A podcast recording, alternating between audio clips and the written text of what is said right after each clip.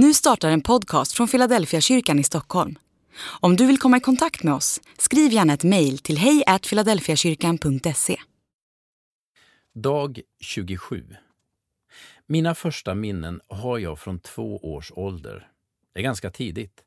De flesta av oss har våra första minnen kopplade till språkets utveckling. Vi minns saker från den tid vi kunde sätta ord på dem. Hur tidiga minnen vi än har brukar de första åren av vårt liv ligga i glömska. Vi har inga minnen av våra första andetag utanför moderlivet. Vi minns inget av de första månaderna eller det första året. Sakta men säkert stiger våra minnesbilder till ytan från den tid då vårt språk börjar utvecklas. Trots att jag inte minns något av mina två första levnadsår har jag aldrig tvivlat på att jag lever.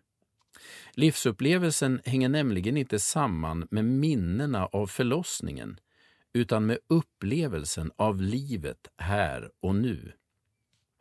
Det vore konstigt om människor skulle ifrågasätta om de lever bara för att de inte minns sin egen förlossning. Det är likadant när det gäller det kristna livet.